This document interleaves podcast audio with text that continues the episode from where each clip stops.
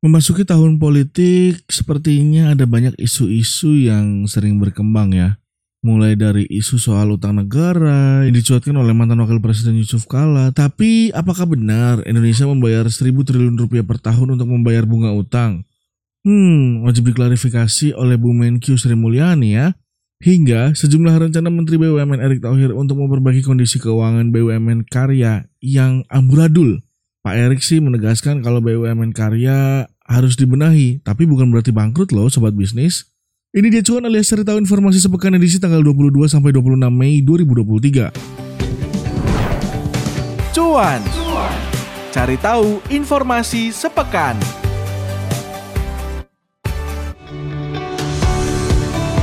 Berita pertama, mantan wakil presiden 2014 hingga 2019 Yusuf Kala atau Bapak JK menyebutkan bahwa pemerintah merogoh kocek hingga 1000 triliun rupiah per tahun untuk membayar bunga utang. Hmm, apakah benar demikian? Nah, untuk menjawabnya, Bu Menteri Sri Mulyani Indrawati mengatakan bahwa utang pemerintah selalu dikelola dengan baik. Penarikan utang maupun pembayaran utang yang jatuh tempo sudah masuk dalam strategi pembiayaan pemerintah setiap tahunnya Beliau mengatakan kalau dilihat dari data dan pengelolaan utang sih setiap tahun uh, pemerintah tuh tahu berapa Utang itu kan juga ada jangka waktunya ya sobat bisnis Jadi untuk yang jatuh tempo maupun membayar utangnya sudah ada di dalam APBN Itu masuk dalam strategi pembiayaan setiap tahunnya Nah untuk nominalnya emang benar ya pemerintah menyiapkan dana 1000 triliun rupiah untuk membayar utang setiap tahun ini mengutip dari buku Anggaran Pendapatan dan Belanja Negara atau APBN kita di Januari 2023 disebutkan bahwa realisasi pembayaran utang untuk periode 2022 mencapai 386,34 triliun rupiah. Terus, pembayaran bunga utang mencapai 386,34 triliun rupiah atau 95,19 persen itu bagian dari pagu. Jumlah tersebut bahkan tercatat lebih kecil dari realisasi pembayaran subsidi energi dan juga kompensasi tahun lalu, yaitu mencapai 551,18 triliun rupiah. Sementara, melihat laporan keuangan pemerintah pusat yang telah diaudit oleh BPK pada 2021, Tercatat belanja untuk pembayaran bunga utang mencapai 343,49 triliun rupiah dan berarti pembayaran bunga utang pada 2021 lebih rendah dari target APBN yang tercantum dalam Perpres yakni 373,26 triliun rupiah. Berarti bukan 1000 triliun rupiah ya sobat bisnis. Dengan demikian rata-rata pengeluaran untuk membayar utang dalam 3 tahun terakhir nggak sampai 1000 triliun sobat bisnis. Tapi dalam catatan BPK pembayaran bunga utang oleh pemerintah mengalami tren kenaikan ya setiap tahunnya ini yang harus diperhatikan karena pada awal 2023 pemerintah mencatat posisi utang pemerintah per akhir Januari 2023 itu mencapai 7.754,98 triliun rupiah dengan rasio utang terhadap produk domestik bruto atau PDB sebesar 38,56 persen. Waduh, berarti terjawab dong ya. Artinya nggak sampai 1000 triliun rupiah per tahun. Bahkan untuk tiga tahun aja nggak sampai 1000 triliun rupiah. Tapi walau demikian, jangan numpuk-numpuk ya utangnya. Kita lanjut ke berita kedua, adalah masa jabatan pimpinan Komisi Pemberantasan Korupsi atau KPK diperpanjang hingga lima tahun. Ini berdasarkan keputusan Mahkamah Konstitusi atau MK terkait dengan gugatan terhadap Undang-Undang Nomor 30 Tahun 2022 tentang pemberantasan tindak pidana korupsi. Masa jabatan pimpinan KPK sendiri sebelumnya mengacu pada undang-undang tersebut yakni 4 tahun. Aturan tersebut digugat melalui mekanisme judicial review oleh salah satu pimpinan KPK yakni Nurul Gufron.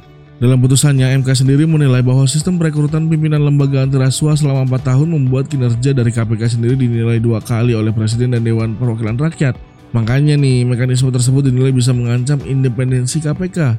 Sehingga jadi pertimbangan untuk MK memutuskan bahwa masa jabatan pimpinan KPK atau Komisi Pemberantasan Korupsi diperpanjang menjadi lima tahun nih sobat bisnis.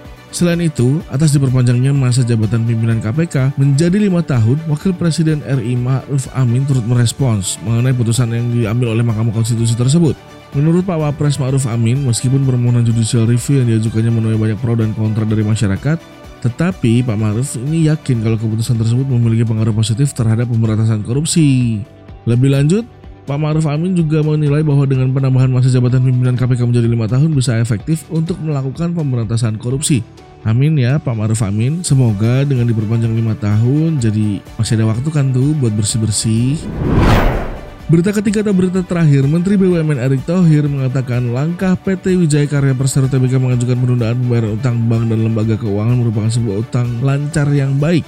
Ini juga berlaku untuk BUMN karya lainnya Erick juga menyebut hutang para BUMN karya kepada himpunan bank milik negara atau Himbara sudah turun. Tadinya sih mencapai 120 triliun rupiah nih sobat bisnis. dan kini hanya mencapai 70 triliun rupiah. Ini karena ada percepatan dalam hal utang BUMN karya.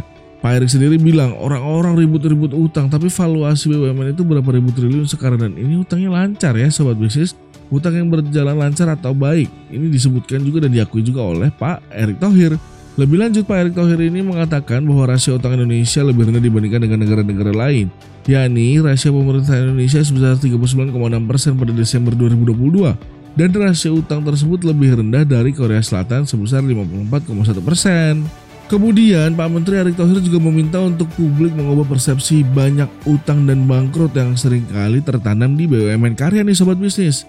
Pak Erick ini mengatakan bahwa tidak sedikit kontribusi perusahaan plat merah yang memberikan manfaat bagi masyarakat, salah satunya jalan tol yang dibangun dan dikelola oleh beberapa BUMN karya.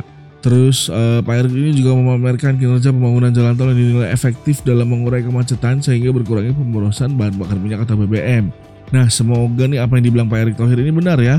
Artinya BUMN karya itu bukan banyak utang, bukan juga bangkrut, tapi semoga bisa kembali produktif dan kembali berjaya ya sobat bisnis.